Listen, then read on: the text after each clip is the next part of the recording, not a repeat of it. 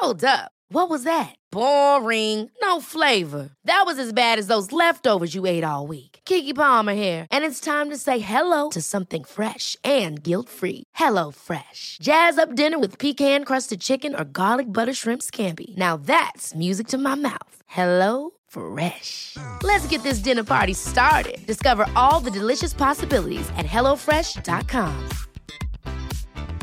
Hey, it's Ryan Reynolds, and I'm here with Keith, co star of my upcoming film, If, only in theaters, May 17th. Do you want to tell people the big news? All right, I'll do it. Sign up now and you'll get unlimited for $15 a month in six months of Paramount Plus Essential Plan on us. Mintmobile.com slash switch. Upfront payment of $45 equivalent to $15 per month. Unlimited over 40 gigabytes per month. Face lower speeds. Videos at 480p. Active Mint customers by 531.24 get six months of Paramount Plus Essential Plan. Auto renews after six months. Offer ends May 31st, 2024. Separate Paramount Plus registration required. Terms and conditions apply if rated PG. Hiring for your small business? If you're not looking for professionals on LinkedIn, you're looking in the wrong place. That's like looking for your car keys in a fish tank. LinkedIn helps you hire professionals you can't find anywhere else, even those who aren't actively searching for a new job but might be open to the perfect role. In a given month, over 70% of LinkedIn users don't even visit other leading job sites. So start looking in the right place. With LinkedIn, you can hire professionals like a professional. Post your free job on linkedin.com slash people today.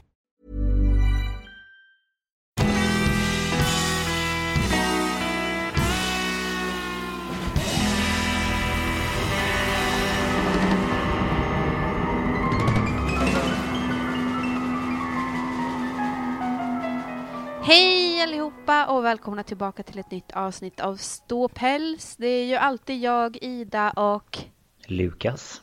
Lukas. Lukas, Lukas, Lukas. Hej. Hej. Hur går det? Hur går det? Det går bra. Jag eh, är ju tillbaka på mitt arbete igen. Mm. Så det är ju alltid något. Det är alltid något. Eh, det är alltid något ja. Eh, nej men det är väl bra. Tycker jag. Mm. Man blir lite... Blåser inte bort. Nej, idag är det bättre. Det var ju fruktansvärt blåst i... För... Igår? I förrgår? Ja, det har var varit det? de senaste dagarna skulle jag vilja Ja. säga. Ja, det var någon dag. Det blåste något fruktansvärt. Ja, det blåser Men- ganska mycket här fortfarande så att... Jaha, det gör det. Ja, det är, vi har sol och blå himmel för en gångs skull. Mm, Jo, jo, det är sol och så men det blåser. Eh, Som ni kanske förstår så sitter vi på varsitt... I varsitt hem. I varsitt hushåll. I, i vår Ja. lilla kammare. Nej, ja. typ. I vår lilla kammare. Ehm, nej, men så att... ehm, ja, nej. Det är väl okej med mig, så att säga. Mm. Själv då? Jo, jag är väldigt trött av mig. eh, har haft mycket huvudvärk och så. Men jag gissar att det kan vara för att den berömda pollensäsongen är igång. Mm, men är ju det. Eh, och jag är ju väldigt allergisk. Och i år säger de att de som inte ens är allergiska kan få besvär för att det kommer vara så mycket. Ja, vad roligt. Eh, så jag har ju börjat med både nässpray och ögondroppar. Mm, eh, det har börjat bli lite bättre så jag gissar att det var det. mm. Ja, det kan det nog vara. Jag eh, är ju också i pollen, men eh, kanske får börja med eh, medication då. Ja, man ska ju gärna börja lite innan säsongen drar igång, vilket man aldrig gör. Nej, jag Man börjar ju när man redan mår dåligt. Märker. Ja men precis, man börjar lite snuvig och lite och kli i ögonen och annat smått och gott. Ja. Men ehm, ja ja, nej det kan ju vara det faktiskt. ja. Mm. Ehm, eh, jag hoppas att alla hade en trevlig påsk. Ja just Den är ju ja. slut nu. Ja det för min del kändes det inte riktigt som påsk. ehm, eftersom Nej. jag kunde inte varken åka till eh, min familj eller min frus eh, familj utan eh, det var jag och hon eh, som, vi, som det var i julas också. Mm. Så att eh, vi åt ingen så här speciell påskmat eller så heller utan vi åt det vi ville. Ja, ja mina Ehm. föräldrar ville ha lite påskbord så jag gick ju dit. Mm. För eh, i, i lördag så var ju vi tillsammans och magnetfiskade på påskafton. just det. det var så vi firade. Ja det var den eh, dagen det. Nej men det var väl trevligt Eh. fast det var kallt. Ja, det blev väldigt kallt där mot slutet. Det var Mm. vid... Eh, Uppsala Ja. seglarsällskap. ja, precis. Och det är ju eh, Mälaren som kommer in där Mm. Eh, och det blåste jättemycket. Ja, det gjorde det Och faktiskt. det kom liksom som kastvind där och... Ja, för det var där- skönt i solen och så men Precis, hade det inte blåst hade det varit perfekt. ja. Och vi Mm. fick väl upp lite små intressanta saker. Jag fick upp en rörtång och en, eh, en låda med borrar. Ja just ja, den aluminium eh, eller plåtlådan som jag bara åh vi har fått upp en låda. Och så öppnade vi den så var det olika borrar. Som folk tappar fick- när de fixar med sina båtar. Ja, och jag fick också upp lite verktyg och hänglås och någon eh, den här stora tunga grejen med den här slangen. Jag vet inte, vi tror att det var någon typ eh, el eh, Ja, någon grej av något eller slag. någonting. Ja. Någon fick ju upp en ål. ja just ja, det var någon som fick upp en stor, eh, eh, det var det flaggstång. Ja, jag tror det. Ja, flaggstång och i flaggstången så slingrade ur en liten ål. Fan, på bryggkanten. Ehm, så att, eh, och det var ju första gången som jag fiskar i både eh, sött och saltvatten. Så då är det ju jättemycket eh, man kallar det för typ zebramusslor eh, på Mm. alla grejer man får upp. Det får man ju liksom inte när man fiskar i Fyrisån. Ehm, Nej. så det var lite speciellt också. Nej, det är spännande med bräckt vatten, förstår du. Ja, det är ju det. Så, Nej, men så ja, det var våran påsk i alla fall. mm, Inga häxor, inga vad häxor. vi nej. vet. Nej, det vet man aldrig. Det kan vara någon som lurade där bakom någon brygga. Ja, det vet man aldrig. Nej. Ja, ja, men eh, vad ska vi snacka om idag då? Ja, idag... Våra tema var liksom lite så här... Saker som har hänt på havet, typ. Men det har slutat med... För det vill, vi ville ha det ganska brett. Det ska liksom Ja. inte bara handla om eh, ubåtar eller... Ja, utan Nej. havet. Men det blev så den här veckan att vi båda kommer ta upp skeppsbrott. Precis. Så att eh, det det. är vad vi kommer prata om idag. Vi kommer ta varsitt skeppsbrott. Mm. Helt enkelt. Lite ja, katastrofer. Ja, kan man väl säga. Ehm, så ehm, ja, vi kanske ska köra igång. Ja, vi gör det. Det är ju jag som är först ut den här veckan. Mm, jag är spänd. Eh, och jag ska prata om MV Le Joula, tror jag man säger. Uh, Le Cholat. Eh, MV eh, kollade jag upp och det står för Motor Vessel. Mm, tack för det heter mitt också i första bokstäverna. För de kan ju heta, de kan ju heta MS också. Precis. Men det var Det någonting annat. Det var någonting annat. Det här med Mm. båtar är ju, som jag sa när jag tog upp eh, Kursk, är ju ingenting jag kan... Alltså jag kan noll Det om inte, det båtar. är inte vårt, eh, vad heter det, fort, forte, vad heter det? Ja, men precis. Ja, Eh, jag kan för och akter. Och skrov. knappt så jag kan det. Ta du ratten eller så kör vi. Eh, det är typ det jag kan. Så att, eh, Ja. ja. Eh, mina källor är Wikipedia, svenska och engelska, eh, artikeln om det här och eh, ja, allt runt om. Ja, eh, och sen är det en sida som heter titanicnorden.com eh, Mhm. BBC News, bbc.com slash nude, sl- nude. Nude slash BBC, nude. bbcnews.com forward slash news forward slash world Africa. Det är båtar som är nakna. De bara oh nudes.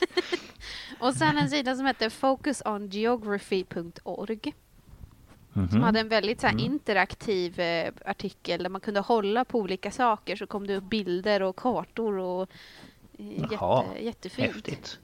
Ja, coolt. Eh, det var dem. Och på BBC Mm. det är alltså diverse artiklar om det här. Okej. Eh, Le Joula eh, var ett senegalesiskt statligt, eh, en senegalesisk statligt ägd färja. Det blev väldigt många stavelser. Ja. Japp. Det var en senegalesisk färja som byggdes Mm, okej. i Germersheim i Tyskland och sjösattes år 1990 under namnet Sangomar. Eh, Namnet Le Jola, jag uttalar det på franska för att eh, i Senegal pratar man franska. Mm, just ja. Det är en före detta fransk koloni. Mm. Eh, hon fick det, hon säger jag, för det säger man om båtar, det vet jag. det kan jag om båtar. Jag hörde inte vad du sa, det bröts för fem sekunder. Jag, jag vet inte om det är vinden nu igen. Eh, Kan det nej, men, säkert vara. Eh, eh, hon säger jag, för det vet jag att man säger om båtar. Ja, mm, då är jag med. Så mycket kan jag om båtar och det är för att jag kan geografi. Det, äh, geografi. Det går bra för dig känner jag. Du bara mm, geografiskt. Nej, Sätt. jag kan... Eh... Nej men gud, vad heter det? Jag vet inte. hur Nej men benämner ting. herregud. Nej men eh, när man lär sig om ord. Ja, Ja, det är ju bara det jag har pluggat. Eh, grammatik. jag trodde Wow. du skulle komma på något jättekomplicerat ord så jag Wow. bara... Eh, språk... eh, Moving någonting. on. Ja, nu går vi vidare. Synd att inte vi är sådana som klipper bort saker för att jag klippt bort det där. Ja, Ja, ja. ja. Eh, men i alla fall, namnet kom innan eh, skeppet kom till Senegal. Mm. Och det levererades till, nu blir det franskt eh, eh, slakteri här, Ministère d'équipe- d'équipement, utrikesministeriet i Senegals huvudstad Dakar.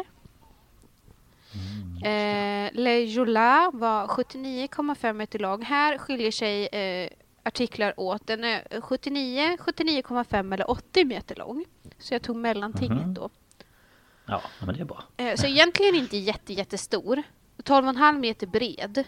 Det är inte, det är inte så här enorm båt Det är liksom. Inte jätte... Nej, men precis.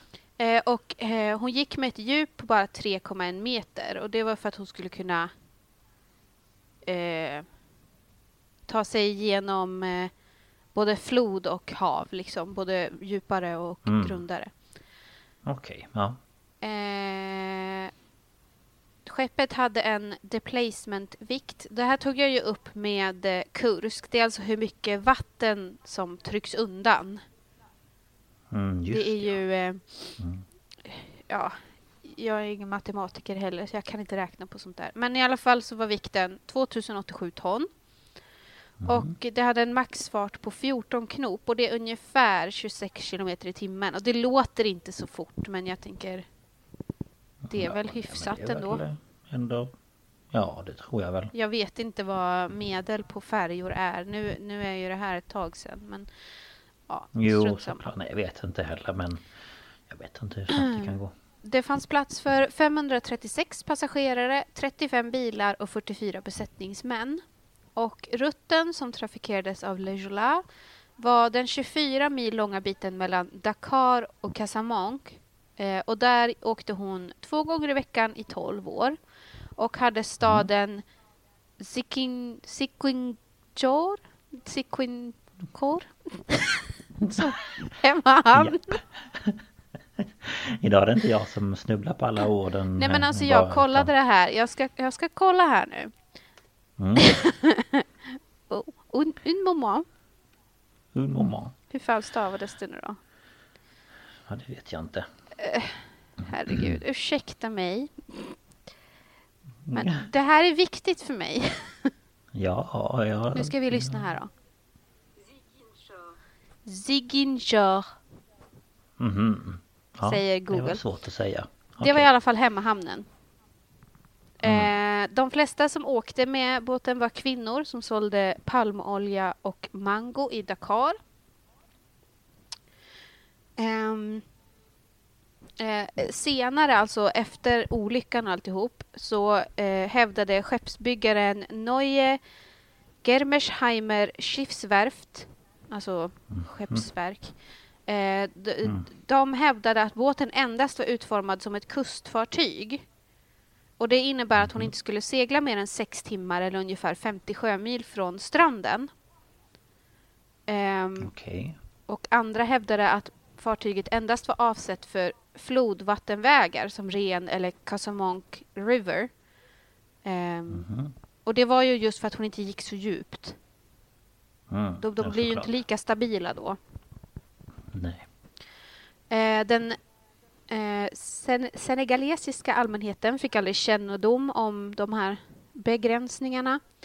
Och i själva verket så drevs båten av den senegalesiska militären och de omfattas inte av, en, av konventionella regler från internationella sjöfartsbyråer. Eh, så att eh, de gör väl det de vill, tänker jag. Okej, ja, ja, säkert. Mellan den 13 september 2001 och 10 september 2002 var Jola ur drift eftersom den hade genomgått mekanisk reparation och byte av motor vid hamnen. Ehm. och det här eh, anser man kommer ha en orsak i det som komma skall. Okej, jaha. Eh, nu hoppar vi fram då till ja, lite över två veckor efter att hon togs i drift eh, igen efter eh, reparation. Mm. Det är den 27 september 2002. Och eh, Lejola åkte från hamnen i den där hamnstaden som jag har glömt nu hur man uttalar. Mm, ja. Ziguinchor, eller vad var det? ja, något sånt. Eh, de åkte i alla fall därifrån runt 13.30 och då har de ungefär 1863 passagerare. Och eh, de fick eh, ytterligare 185 som klev på i, i Caraban som egentligen inte var en på avstigningshamn. Men eh, ja, folk klev. Det var väl last som skulle på och av. Men ja, Och då tänkte människorna att nej men jag hoppar på, det blir bra. Eh, och låt mig bara påminna om att det här skeppet hade plats för totalt med besättning 580 personer. Mm, det är lite eh, över det känner jag. Mm. Några stycken sådär. Det exakta antalet passagerare den här dagen är svårt att avgöra men senegalesiska organisationer tror att det var över 2000. Oj. Och av Ja. dessa 2000 hade cirka 1034 biljett. Mm. Vilket är sjukt för det är fortfarande det dubbla av kapaciteten av fartyget. Ja, ehm, det är ja, Eh, lite ja. Resterande personer som var ombord var antingen inte tvungna att ha biljett då de var under fem år eller fått att de fick resan gratis. Det här var väldigt vanligt för att många besättningsmän på fartyg tog eh, emot mutor för att ta emot passagerare utan biljett av olika anledningar. Mm. Okej. Men jag förstår inte hur har de... så- Alltså säljer de inte biljett baserat på avgång utan säljer de bara en biljett och du kan ta vilken avgång du vill. Alltså jag förstår inte riktigt. Ja, Det verkar ju som det. Jag vet inte riktigt heller men Det är väldigt konstigt i alla kommer fall. de ju på. Ja, väldigt, väldigt lustigt. Men de eh, ger sig ju av från Carabando där det har klivit på nästan 200 personer till. Och det sista anropet från färjepersonalen sändes till ett sjösäkerhetscenter i Dakar vid 22. Och då rapporterade man bra väderförhållanden och liksom allt var okej. Men vid 23-tiden så seglar fartyget in i en storm utanför Gambias kust. Och eh, hårda vindar i kombination med allt för tung last i form av passagerare och, och ja, bilar och vad de nu hade med sig gjorde att Le Jola träng, eh, trängde, krängde kraftigt från sida till sida. Usch, fy. Att vara på det skeppet. Fartyget, det här såg jag på den här Titanic Norden. Eh, Att fartyget vid normal last skulle klara att krä- kränga ungefär 7 grader åt sidan för att sen räta upp sig.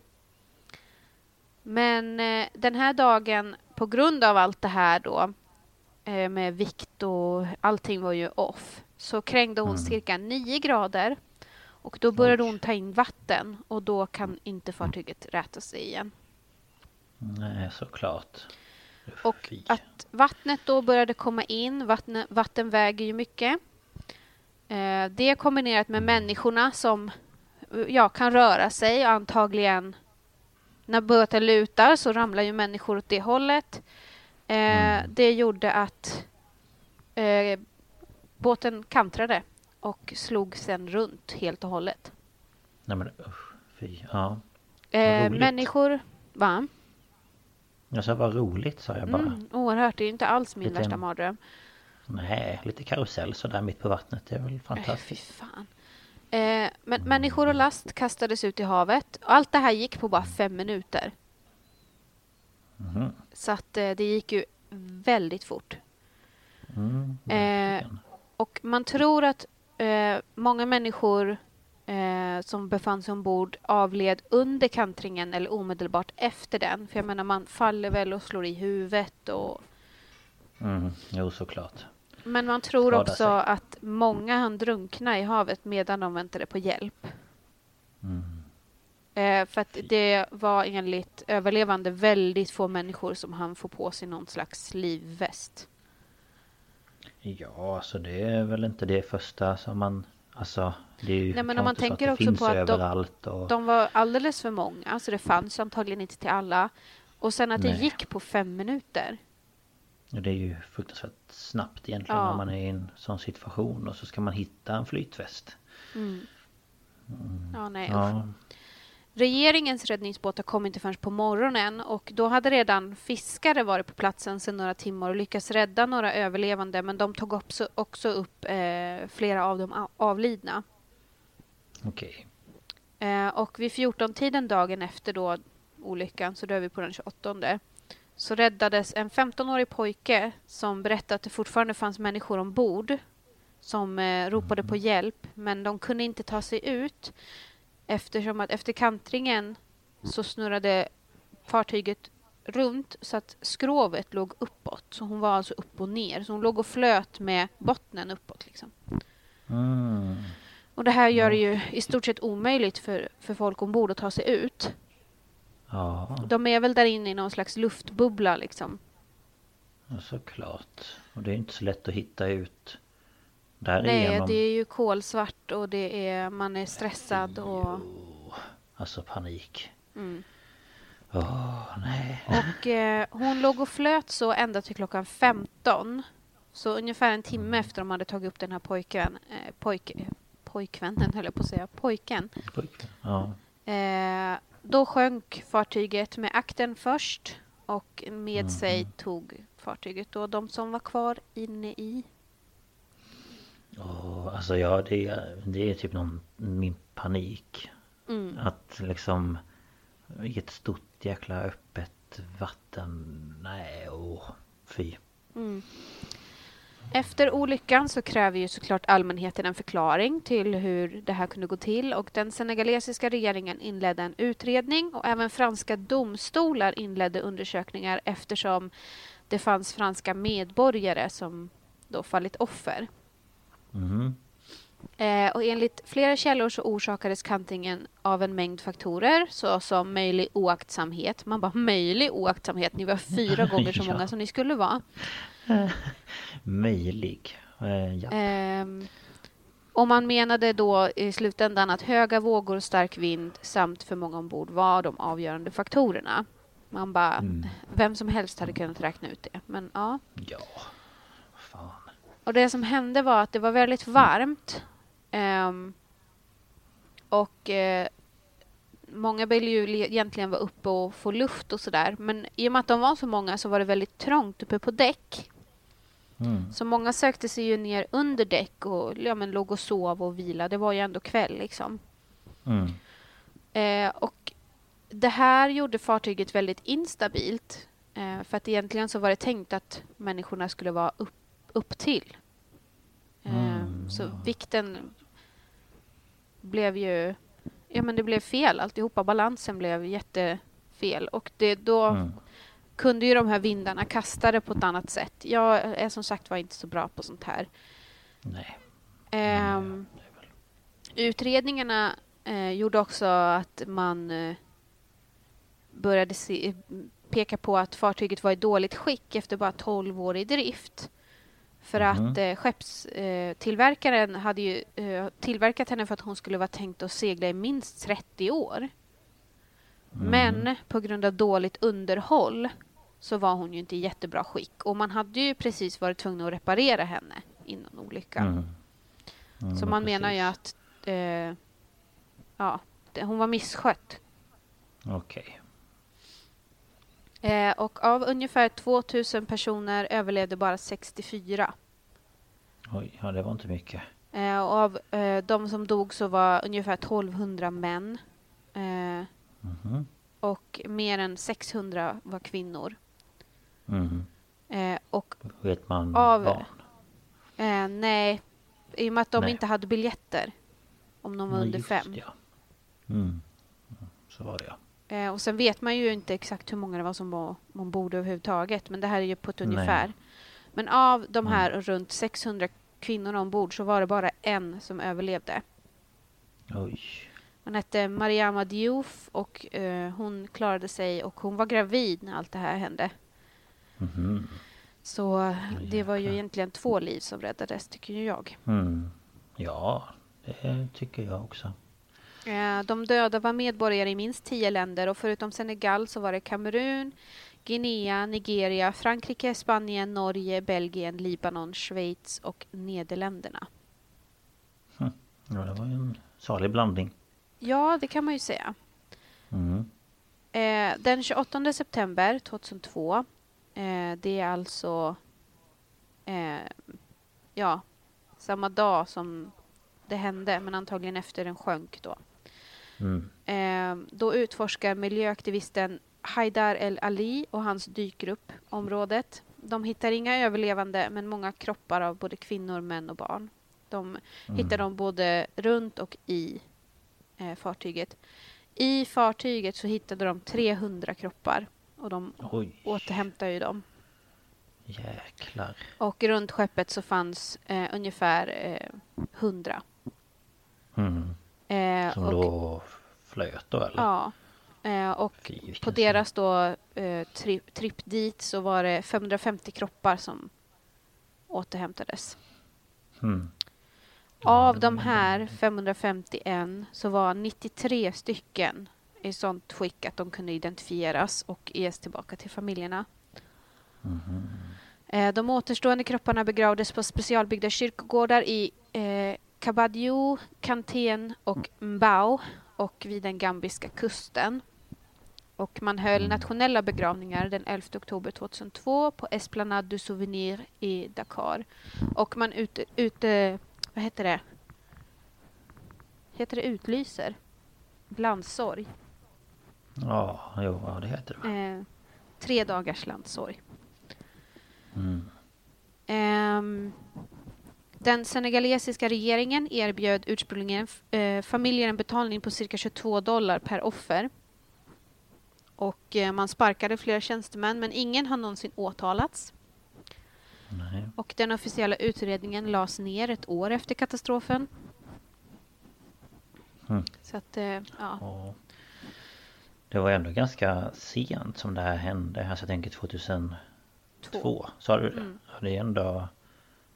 Jag tänker det är ju inte liksom ett skepp som byggdes mm, 1800-talet. Nej men... Nej, hon, var ju, hon eh, sjösattes ju 90. Så att, eh, Mm. Ja. Det var ju inte, alltså det är inte ett så gammalt skepp tycker man ju inte.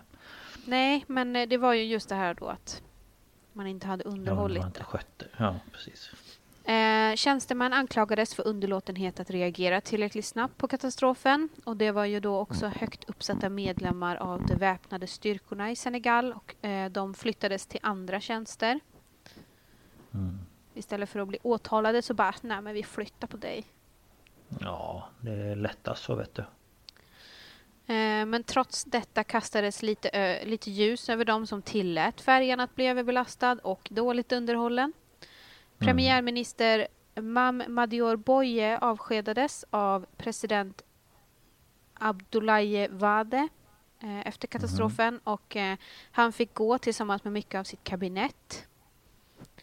Så ja, li- några fick ju lite skit men Ja, några stycken. Men eh, ehm, ja, samtidigt nej. så borde ju inte... Alltså visst, han kanske skötte det dåligt men jag tänker det måste finnas någon som ägde fartyget. Och Ja. stod för underhållet av det och så. De borde ju bli stämda eller... Ja, eh, ja, jag vet inte. ja. Nej. Eh, familjer till offer eh, av vilka många har varit ovilliga eller oförmögna att kräva ersättning, eh, har fortsatt vara mycket, varit mycket vad heter det, kriti kritiska, kritiska till regeringen. Mm. Och eh, hanteringen av räddning, eh, driften av färjan och ja, Mm. allt det här. Ehm, Mm. Och det förstår man ju. De vill ju ha en, en... De vill ju att någon ska stå till svars. Mm, men såklart. De har Eh. ändå förlorat Ja, någon Det liksom anhörig. Ja nej, jag tycker det är fruktansvärt. Eh, Familjer till franska offer vägrade 2003 eh, ersättningspaket och åtalade senegalesiska myndigheter vid franska domstolar. Eh, och den 12 september 2008 överlämnade den franska domaren Jean Wilfrid Noël, antar jag man säger, Mhm en anklagelse mot nio senegalesiska tjänstemän inklusive Boye och tidigare arméstabschef general Babacar Gaye. Eh, senegalesiska eh, reaktionerna mot de här anklagelserna från deras tidigare kolonialmakt då var ju... De var inte så glada kan man ju säga. Nej. Eh, och i, ut, eh, i liksom, som svar på det här så utfärdade den senegalesiska regeringen en arresteringsorder på den här Jean-Wilfrid Noël. det, det, det är väl lite rättsligheter som jag antar att det kanske pågår fortfarande eller om det lades ner. Jag vet faktiskt inte riktigt. Nej okej. Men Nej. de ville inte att eh, fransoserna skulle komma och lägga sig i. Nej, okej. Ja. Eh, en dokumentär av den senegalesiska journalisten Papa Mokhtar Selan sändes på den nionde årsdagen av tragedin den 26 september 2011. Eh, och dokumentären beskriver historien om några av de överlevande och man ifrågasätter där också det här långsamma räddningsarbetet. Mm. Eh, men man får ju liksom Såklart. inte riktigt några svar. Nej.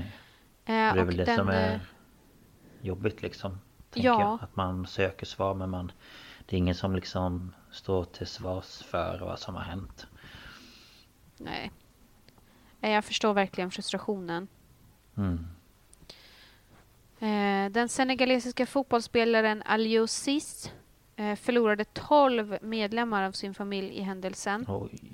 Och hans klubb eh, Birmingham City i England visades upp en stor senegalesisk flagga för att komma ihåg mittfältarens familj och för att hedra andra människor som förlorar sina liv. Det tycker jag var ganska fint. Ja det tycker jag också. Verkligen. Men tänkte jag förlora 12 stycken. Ja, fy fan. En är ju nog. Ja, nej usch. Mm. Eh, det enda befintliga minnet av eh, MS Le Jola är ett monument i en liten flodpark i Ziguinchor, eller hur det var nu man sa det. Mm. Ja, Eh, det. tillsammans med närliggande Cimetière de Canten där många offer har begravt. Det är alltså kyrkogård, begravningsplats, cemetery. Mm. Mm. Ehm, år 2015 föreslog kultur och kommunikationsministeriet inrättandet av ett större eh, minnesmärke som man vill kalla för Bateau de Le Jola. Bateau Le Jola. Jätte- bleh. Jag, jag kan franska hyfsat egentligen men Ja men det, det lät helt okej. Det är nog de som pratar värre än dig ska du se. Eh, det här minnesmärket skulle då erkänna individer i Casamonc som påverkats oproportionerligt av skeppsbrottet. Eh, och eh, tanken är att det ska uppföras på kanten av Casamonc River med mark som gjorts tillgänglig av staden Siquinchor. Eh, och Bateau Le Chola ska byggas på en 1800 kvadratmeter stor plats för att hedra det ungefärliga antalet förlorade i tragedin. Och eh, det kommer se ut som en båt och inkludera utrymmen för reflektion och då minnesplakat, antar jag. Mm. Eh, men eh, det finns inget eh, satt datum för när det här ska ske och eh, vem det är som ska betala det. Nej okej. Men ändå en fin tanke tänker jag. Alltså Ja, om det nu blir av är det ju jättefint. ja. Det tycker jag ändå.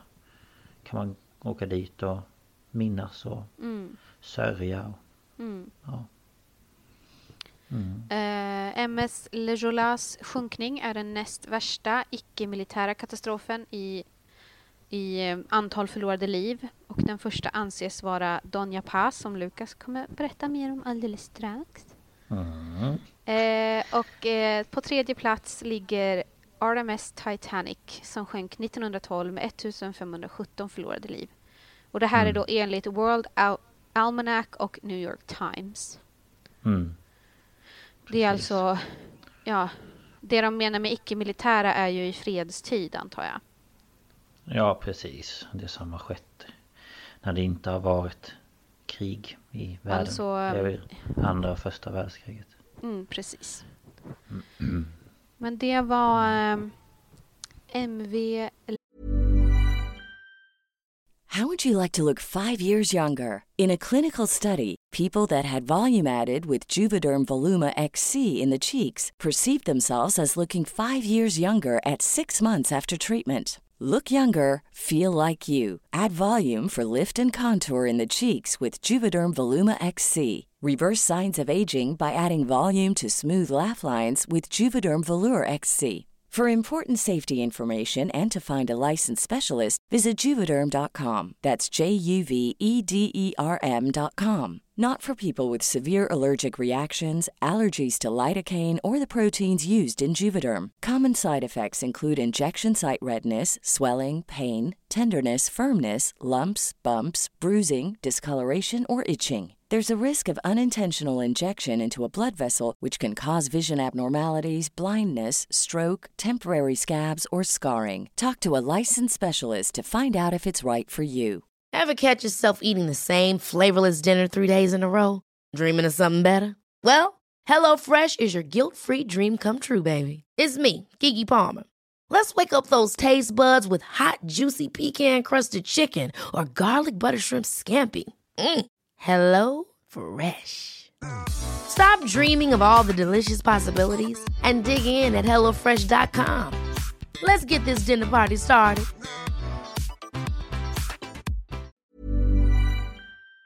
Le Jola. Mm, mycket spännande tycker jag. Ingenting som man har hört om eller jag har aldrig hört talas om det ändå. Nej, det är och så det är ju- stort. Nej men precis. Det är ändå, alltså när man, när man tänker på stora skeppsbrott så tänker man ju på Titanic.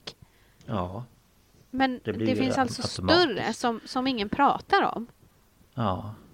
Och då undrar man ju egentligen vad det är som gör att man inte pratar om det.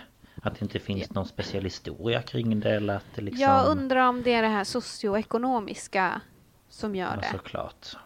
Titanic, var ju Titanic- ändå liksom väldigt flottigt och det skulle... Eh, Sen, Ja, den men, var ju, eh, det var ju 100 år tidigare nästan och eh, ja, ja, det var ju såklart. ja, 90 år tidigare. Mm. Ehm, och, men så var det ju det att det var ju brittiskt och det var det mest påkostade och bla bla bla. Det här var ju inget påkostat fartyg. Det var inte ett känt Nej. stort fartyg. Nej.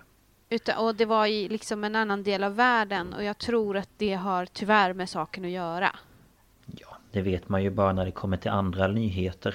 Ja, Eh, det är sällan man hör nyheter om saker som händer liksom i typ Ja men i Vad vet jag Australien, Afrika ja, ehm, Ja alltså så det rapporteras ju inte på samma sätt nej. Så jag tror tyvärr att det har med det att göra. Men så Mm. det var därför jag kände att det var... mm. men jag ville ta upp det. det var, det var mm, intressant och väldigt hemskt såklart Det är ju Ja, absolut ingenting man önskar någon att eh, det... missa sitt liv på det sättet Ah, nej, så det är verkligen min mardröm. mm. Så är det så- verkligen. Så här, liksom, om man tänker sig typ när man är på en båt på natten. Och så tittar man ner över räcket och så ser Det man bara det här svart. svarta. Och så tänker man att det är liksom hur långt ner som helst till botten. Ja, för det första Och- är det ju långt ner till havsytan. från ja, jo det står. också. ja, Och sen att det är liksom... sen- eh, nej. Ja, det är sådär så det- min hjärna kan inte ta in Ja, det. Det blir vet. för stort.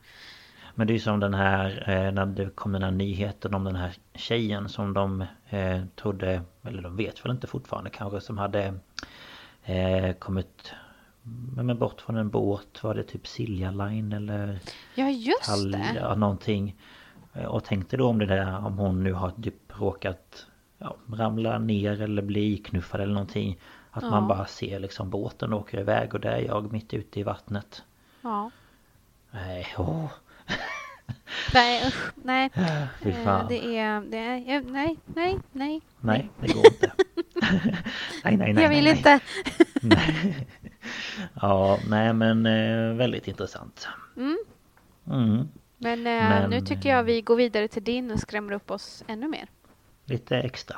Lite, Ja. lite till. ja.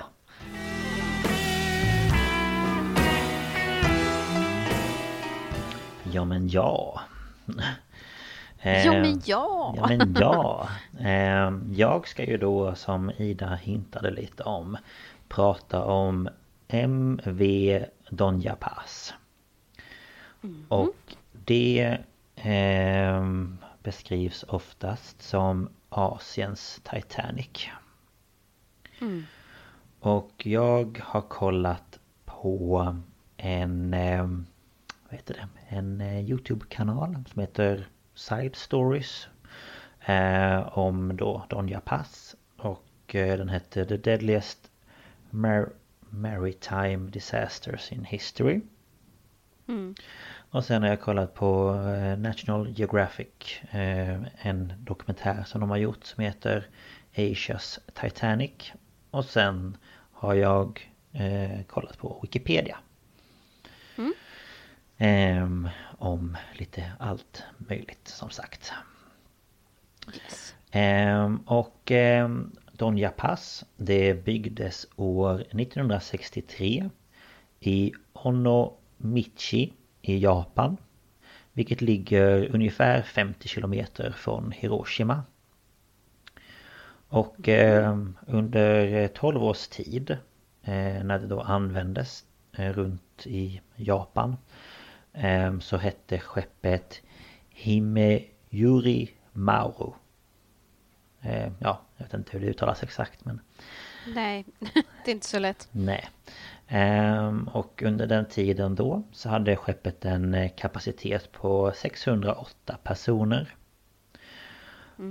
Ehm, och eh, i oktober 1975 så eh, såldes skeppet till Sulpicio Lines. Eh, vilket är det största företaget i Filippinerna när det kommer till färjor och lastfartyg. Okej. Och eh, när det här skeppet då såldes till dem eh, så bytte det till en början namn på skeppet då till Don Sulpicio. Eh, men som sedan bytte namn till eh, Donja Paz. Mm. Och eh, jag tänkte också berätta lite hur stort det här eh, fartyget var. Eh, det var 93,1 meter eh, långt. Och eh, 13,6 meter brett. Och det hade en hastighet på 18 knop vilket motsvarar ungefär 33 kilometer i timmen. Ja, det var både lite större och lite snabbare än eh, Le Jola. Precis. Ehm, så sen så ehm, ska vi se här. Det eh, vägde två, 2324 ton. Mm. Ehm, och ehm, när skeppet då såldes till Sulpicio Lines så började mindre olyckor hända. Eh, när det kom till det här fartyget då. Och, Okej. ehm, ja, och den eh, 1 juni år 1979 så ska det här skeppet då ha börjat brinna mitt ute i havet när den var på väg från Manila, vilket då är huvudstaden i Filippinerna eh, till staden eh, Ce- Cebu, Cebu. Ehm, och ombord då så fanns det 1164 passagerare. Alltså det dubbla från när det ägdes av Japan. Mm. Och eh, alla passagerarna de räddades och ingen omkom som tur var. Ehm, Ja. Eh, Men skeppet däremot det klarade sig inte lika bra. Ehm, Okej. Och det som då var kvar av, av skeppet det köptes återigen upp av Sulpicio Lines. Eh, som renoverade det och bytte namn på det då till Donja Pass. Mm. Eh, och sen vidare då till natten den 20 december år 1987 så var det anställda på ett skepp vid namn MS Don Claudio vid Tablasundet och det ligger eh, vad ska jag förklara? Ja det är ett sund i varje fall vid, vid Filippinerna eh, Jag kan inte riktigt förklara det på ett bättre sätt Um, och de Nej, såg... men jag tror att om folk är jättenyfikna kan man ju kolla upp det. Ja. Um, och de såg då något som liknade men någon slags ljus eller blixt långt bort i horisonten. Och mm -hmm. himlen den ska ha varit stjärnklar och vattnet var lugnt och så. Så de tyckte att det här ljuset stod ut på något sätt. Mm. Uh, så de eh, förstod att någonting måste ha hänt och började då tänka att det kanske var någon olycka. Ehm, så de bestämde sig för att styra sitt fartyg eh, åt det hållet. Och eh, efter att de hade sökt i området i ungefär en timme så kunde de till slut hitta 26 personer som flöt runt i vattnet. Och ehm, de hjälptes eh, då ombord eh, och man upptäckte snart att alla hade allvarliga brännskador eh, på kropp och sådär. Och skeppet då som de hade varit på det gick inte att hitta. Och då undrar man ju kanske vad det är som har hänt. Ja. Ehm, ja. Ehm, och då om vi går tillbaka några timmar så klockan halv sju eh, på morgonen filippinsk tid då den 20 december samma år så avgick eh, Donja Paz från staden Tacloban eh, vilket ligger på ön Leyte ehm, i Filippinerna då och skulle vidare till slutdestinationen Manila. Och mm. skeppet skulle vara framme i Manila dagen efter ungefär klockan fyra på morgonen. Och eh, ungefär vid eh, 20 eh, över 10 på kvällen så befann sig skeppet då i det här Tabla-sundet. Och nästan alla passagerarna låg och sov när Donja Paz plötsligt kolliderar med oljefartyget MT Vector. Oj då. Ja. Och eh, det här fartyget Vector det bar på 1041 ton bensin och annan gas vid tiden för kollisionen. Oj. Mm -hmm. Det är eh, en del om man säger så. Det var ju halva Donja Paz ungefär. Ja, men lite så.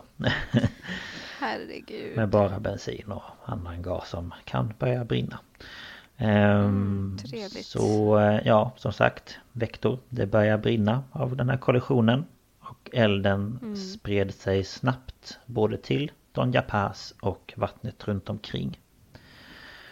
Ehm, och överlevande de har berättat då senare att de vaknade av att de två fartygen kolliderade med varandra och samt då explosionen som blev av att mm. all bensin tog fyr. Och en överlevare eh, berättade efteråt att alla lampor ombord slutade fungera bara någon minut efter kollisionen. Ehm, och eh, han berättade även att det fanns inga flytvästar. Samt att de anställda de ska ha sprungit runt i panik tillsammans med de andra passagerarna. Okay. Och att det gavs aldrig några instruktioner eller det gjordes inte några försök med att organisera passagerarna på något sätt. Mm. Nej, eh, och senare så sägs det då att eh, flytvästarna de var inlåsta någonstans på skeppet så det fanns liksom inga tillgängliga överhuvudtaget. Vad bra. Ja, jag Jättebra, känner det också. Verkligen. Man bara, ni ska åka på en, en resa med, med det här skeppet och eh, Ja, vi låser in eh, flytvästarna. De kommer ju inte behövas. Det strider ju säkert inte, absolut inte mot eh, alla säkerhetsregler som finns. Nej. Absolut inte. Vadå, flytvästar är väl dumt att ha? Kan man väl... Eh, det? Vi, har, vi ska inte sjunka, behöver vi inte ha. Nej, hallå. Kan vi simma för fan? Ja, det är bara att simma närmaste vad heter det, strand är några mil bort. Men det fixar ni. Fan. Ja, nej. Nej fy. ehm, Nej vad dåligt. Ja, Usch. väldigt dåligt. Eh, Men de då som överlevde den här kollisionen och elden, de var ju då tvungna att hoppa från skeppet ner i det kokhetta vattnet. eh, Som fortfarande då brann eh, på grund av all bensin. För att de skulle då försöka rädda sig själva. Och visst... alltså förstå, man tror att det brinner, jag ska hoppa i vattnet. Mhm. Men så ligger det liksom bensin på vattnet som brinner. Mm. Alltså, Och så hamnar du rakt i det. Skönt. nej fy. Ja, ehm, och vissa då de använde resväskor för att de skulle kunna flyta på dem. Eh, Och det kan ju då eh, tilläggas att i det här sundet så fanns det också väldigt mycket hajar.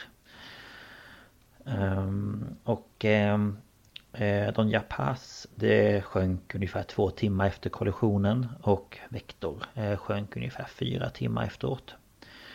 Och de höll sig flytande väldigt länge ändå. Mm, det gjorde de. Eh, och båda sjönk ungefär 545 meter. Man bara Ja. tänker veta om att det är 545 meter ner till botten. Japp. ehm, Nej, usch. Gå vidare. Tack. Nej. Eh, eh, och nu är vi då tillbaka på den här MS Don Claudio. eh, Som då har fått syn på den här explosionen. Och efter då en timme hittar de här 26 personerna i vattnet. Och för att då få upp alla i vattnet så kastade kaptenen ut ett nät som de fick klättra upp på. Och eh, 24 av dem som klarade sig var passagerare från Don Paz och två var anställda på det här Vector. Ehm, och sen senare år eh, 2012, vilket är ett bra tag efteråt, så kom det fram genom ett tv-program som heter Wishko Lang eh, att det var ytterligare en överlevande från Donja Pass. Så det var alltså eh, då den 25 överlevaren och hon eh, hette, eller heter, jag är inte säker på, eh, ja så, eh, hette Valle, Valeriana du, Duma. Duma. Och hon var då vid tillfället för olyckan bara 14 år och hon var då den yngsta som överlevde. Ehm, och ingen av de anställda på Donja Pass överlevde. Och de passagerarna som ja, gjorde det De fick eh, allvarliga brännskador eh, efter att ha hoppat ner i vattnet. Så, lä Ja, det förstår man ju. ja, så läkare och sjuk, sköterskor då på Don Claudio gjorde allt de kunde för att hjälpa de överlevande med deras skador. Och det här tycker jag är galet det som jag ska säga nu. Att det tog ehm, åtta timmar från det att olyckan skedde innan den filippinska kustbevakningen tog del av informationen om vad som hänt. Okej. Man bara åtta timmar? Okej. Och sen så tog det ytterligare åtta timmar att sätta igång ett sök och räddningsoperation. Men skojar du? Ja, man bara Men hallå, är ni födda igår eller? Ja, det verkar ju inte bättre. Nej men det är ju helt galet. Ja, Ja, verkligen. eh, men en utredning sattes ju då igång såklart. Och enligt den första som gjordes av den filippinska kustvakten visade att bara en medlem av besättningen på eh, Donja Pass eh, befann sig i kontrollrummet när olyckan skedde. Då de andra i besättningen de eh, festade lite och drack lite öl och tittade på TVn i de anställdas del av skeppet. Och kaptenen han ska även ha tittat på film i sin hytt. Eh, Och detta... Okej, vad bra. Ja, det, det är så man sköter ett skepp. Ehm, Ja, absolut. Mm, och detta kunde då även styrkas då en av överlevarna ska ha hört en annan passagerare eh, på skeppet då säga att det pågick någon form av fest uppe vid kontrollrummet med skratt och hög musik där kaptenen då ska ha varit delaktig. Ehm, och de som överlevde menar också på att det måste ha varit många fler passagerare än vad de fick vara. Då de då hade bevittnat människor som låg och sov längs korridorerna, på däck eller i barnsängar med tre till fyra personer i varje säng. Men herregud. Mm.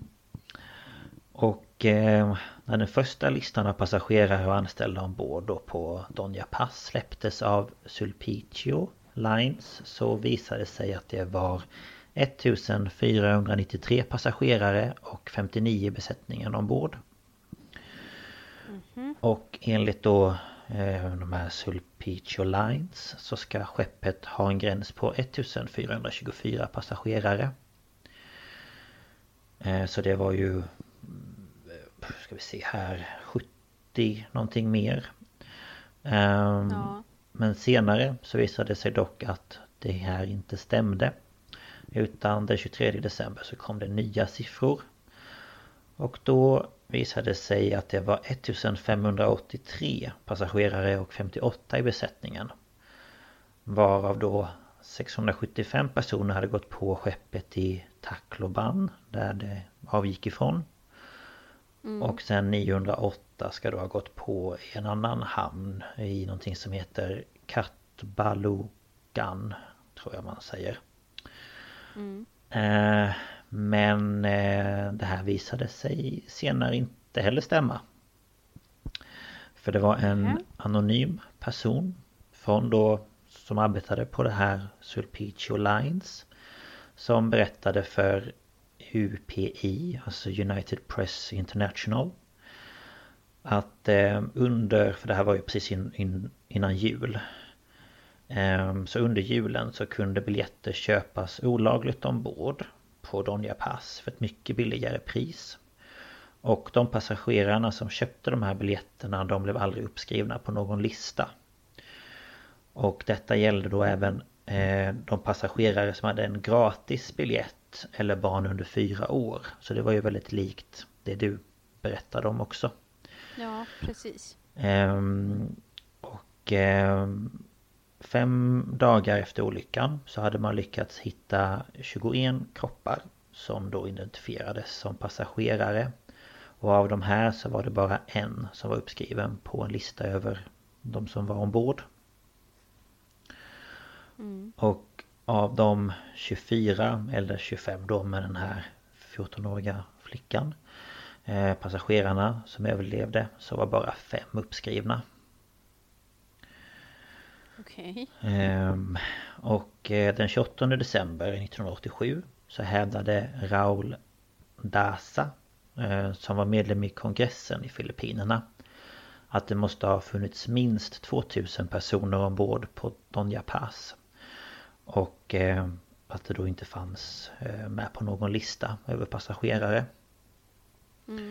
Och han baserade då antalet på en lista som hade gjorts av anhöriga till personer som man då trodde befann sig på skeppet eh, som en radio och eh, som radio och tv hade samlat in och sammanställt.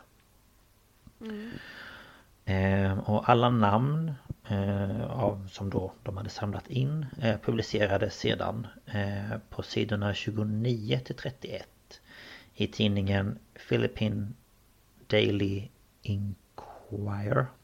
In, ja, Den 29 december. Ehm, och senare då eh, till år 1988 så kom The Philippine National Bureau of Investigation ehm, ut med siffror som de baserat på intervjuer med anhöriga som visade att det var minst 3099 passagerare ombord på Donja Pass och 59 anställda.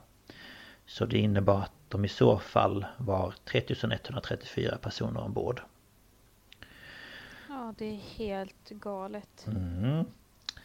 Och eh, slutligen år 1999 så kom en rapport från presidenten som då hade gått igenom domstolsregister och 4100 förlikningsanspråk. Och han menade, eller hon menade, det var en kvinnlig president då faktiskt ehm, att det var 4341 passagerare på Donja Pass. Eh, Och då drog de sedan av 25 personer som då överlevde och lade till 58 anställda.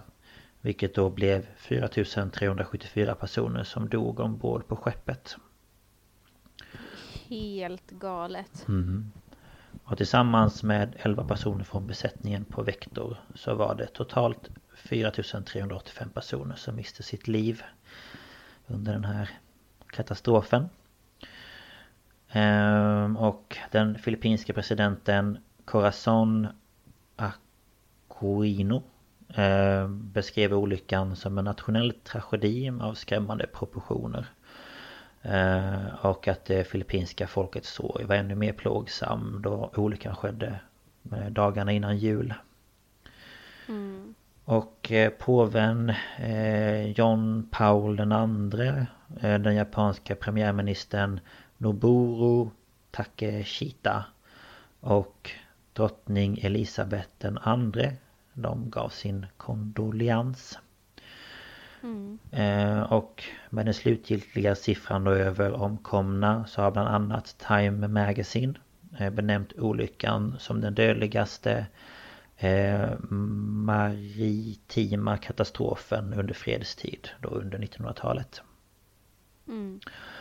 Och eh, tre dagar efter olyckan så meddelade Sulpicio Lines att olyckan med Donja Pass var försäkrad med ungefär 631 000 dollar. Och eh, de ville då ersätta de överlevande med 542 dollar för varje offer. Ehm, och några dagar då så senare så samlades hundratals av offrens anhöriga vid Rizal Park för att demonstrera mot det här beslutet. För de menade ju då på att Sulpicio Line skulle även ge en ersättning till de anhöriga som inte var med på listan över passagerare. Ehm, Ja. Samt att de skulle ge en full redovisning över alla saknade. Ja. Ehm, Men istället så friade styrelsen för marin utredning Sulpicio Lines för olyckan. Då det kommit fram att Vector var i bruk trots att skeppet varken hade en licens ett, eh, jag vet inte hur man översätter det men lookout. Alltså de hade liksom ingen Utkik. Ja, utkik. Eh, Eller en kvalificerad befälhavare. Just det, det har jag läst. Mm. Ehm, Så ehm, det beslutades då även i Högsta domstolen i Filippinerna att det var ägarna av Vector som skulle stå för ersättningen till offren då för olyckan. Och det beslutade även att de anhöriga till passagerare som inte fanns på någon lista hade rätt till ersättning. Och vissa familjer de hade ju då förlorat kanske tre eller fyra anhöriga i olyckan. Men eh, de här eh, Caltex Philippines eh, som då hade chartrat Vector De blev också avskrivna. Eh, och behövde inte ersätta de anhöriga. Nähä. Så det har liksom fortfarande inte betalats ut någon ersättning till någon. Fan. Mm. Sen kan jag ju också känna att det är de här äh, som ägde Donja Paz bara ni får 500 dollar. Man bara Ja, man bara... Ja, alltså... Va? Ja, herregud. Så dumt. alltså Ja, herregud. Ja, Jag blir så frustrerad på sånt där. Ja men det är liksom och sen så kan man ibland känna liksom att visst Jag kan tänka mig att ersättningen den kan ju aldrig eh, Vad ska man säga Ta tillbaka den man Har mist Men jag tänker att i många länder och i många ställen där har man kanske inte Ja men råd med om det kanske blir någon begravning eller man vill kanske Man lägger ju Ja, sådana pengar är ju, på om, säg att det var en närstående, alltså en nä- nära familjemedlem. Då förlorar hela familjen en inkomst när den Precis. personen dör. Ja Det är ju det också som Alltså, det är ju- eh, Och det tror jag inte många kanske tänker på heller Alltså de Nej, det tror jag inte. eh, Det blir ju en väldigt eh, ja, men omställning för alla inblandade Mm. Så eh, ja Men idag så finns det i varje fall ett minnesmärke för offren då i Vista Park i. Katbalogan. Eh, och det är då ett ställe dit familj och vänner kan komma för att minnas och sörja. Och eh, vraket av eh, Donja Paz eh, besöktes den 13 april 2019 av RV eh, Pet Petrell. Ehm, och det ska då finnas något videoklipp från detta som ska ha släppts den 19 april, nej december samma år. Ehm, och där, det man kunde se då var att det ligger upprätt på 500 meters djup. Ehm, och Vector då hittades liggande ungefär 2200 meter ifrån Donja Pass. Men på samma djup och på samma sätt. Så de ligger där i vattnet. Mm. Ja, de, jag vet inte, det är väl ingenting man bärger kanske, jag vet inte. Jag tror inte, det är inte säkert att det går Nej. heller. Nej, det tror jag inte. Och sen ska det väl finnas någon slags värde i det. Såklart, så är det ju. Men ehm, ja, det var det. Fruktansvärda. Ja, det var fruktansvärt, ja. Och jag tycker det blir så, Usch. och både ditt fall och det här, det är ju ganska likt det här med att de tog på eh, fler eh, vad de fick vara. Eh, att de hade inte koll på liksom att biljetter såldes eh, på skeppet. Att man kunde få gratis biljetter och att det var ingen ersättning till någon. Och, eh, Ja, precis. Ingen som liksom ville stå till svars för att Ja nej men det var vi som var problemet. Men där har vi ju återigen också det här socioekonomiska. Mm. Precis. Det var liksom i samhället inga viktiga personer, eller vad man ska säga, som gick bort. Nej, utan... Och tänk dig liksom vara... ehm, jag vet inte det. Ja, men, det har varit liksom 4000 mer, alltså plus. Eh, och du är en av de här 26 som överlevde. Det är helt galet. Ja, Alltså att du... Alltså jag vet inte riktigt hur man känner sig. Om man känner liksom att man är typ tacksam eller att man... Ja, jag vet inte hur man ska liksom... det, det kan nog vara både det och sen kan man nog ha sån här uh, survival guilt. Ja, gud ja. Den sätter ju. Ehm, det tror jag ju absolut. Mm. Och sen är det nog eh, mycket... Alltså, de lär ju ha PTSD och, Ja, fy. Usch. och allt möjligt. Var rädd för vatten. Hade jag ju varit. Ja, nej usch, det är fruktansvärt. Mm, verkligen. Ja, Det var bra skrivet tycker jag. mm, vad, vad roligt. Mm. Men det var det. det här är ju som sagt eh, skitläskigt. Ja, det, Alltså, det är jätte, jätteobehagligt. Alltså, det är liksom, jag tror att det blir eh, liksom läskigt och så för att man kan liksom inte... Det är så stort. Så man kan inte Mm. greppa liksom proportionerna av ett hav. Alltså det... mm. Ja men precis, så är det nog. Att man liksom... Ja, jag vet inte. Man känner sig liksom makt... Det är som att du skulle liksom vara uppe på ett flygplan som störtar. Att du kan liksom inte greppa om någonting. Utan det är liksom... Nej men Det precis. går bara ner. Du kan inte göra mer än så. Ja. ja. Så att eh, nej, jag tycker det är också fruktansvärt. Men eh, ja, hoppas ni som lyssnar tycker att det har varit intressant. Och att ni kanske Vi har... försöker ju att ta saker som inte är så himla omtalade. Mm. Just för att det ska bli lite nytt. Precis. Och att ni då kanske har lärt er något nytt av att lyssna på detta. Mm. Det har i alla fall jag gjort. Eh, Ja, jag också. Ja, eh, så det är aldrig fel. Ehm, Ja, vill du dra vad vi kan, vad du, de kan hitta oss någonstans? Ja, om ni vill eh, mejla oss så har vi en mejl som är staphalspodcast snabela gmail.com eh, Där kan ni mejla vad, vad ni vill, vad ni inte vill höll jag på att säga. Ja, Eh, det går också att ta kontakt med oss på Instagram på Staphals podcast. Eh, följ oss gärna. Där lägger vi ut eh, ja, men, eh, lite allt möjligt. Mm. Eh, det kan vara uppdateringar, det kan vara om det skulle hända att ett avsnitt blir försenat eller vad som helst. mm. Precis. Ehm, Lukas brukar skriva det här i avsnittsbeskrivningen också. Japp, det står... Så om ni, om ni glömmer det så står det där. Mm, det står i varje avsnittsbeskrivning faktiskt. Ja men gud så bra. Ja. ja, men... eh, Och eh, jag vet inte, ska vi eh, säga vad det blir nästa vecka? Det kan vi väl göra om eh, du har på din eh, hjärnhinna tänkte säga vad det är för något. Min vet inte vad heter det? Jag vet inte, är det frontalloben? Jag vet inte. Kanske.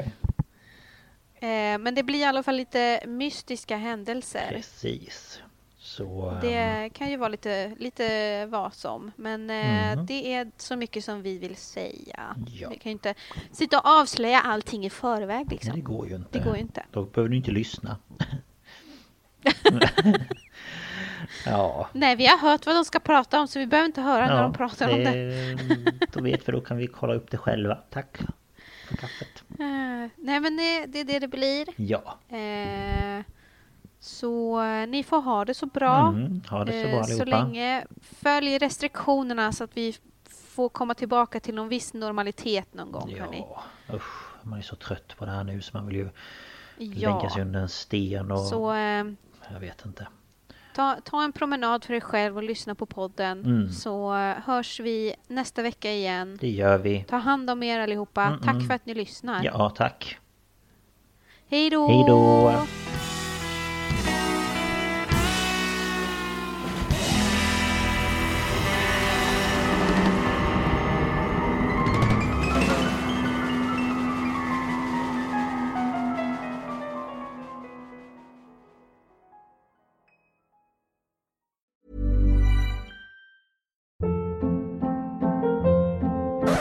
Hold up. What was that? Boring. No flavor. That was as bad as those leftovers you ate all week. Kiki Palmer here, and it's time to say hello to something fresh and guilt-free. Hello Fresh. Jazz up dinner with pecan-crusted chicken or garlic butter shrimp scampi. Now that's music to my mouth. Hello Fresh. Let's get this dinner party started. Discover all the delicious possibilities at hellofresh.com.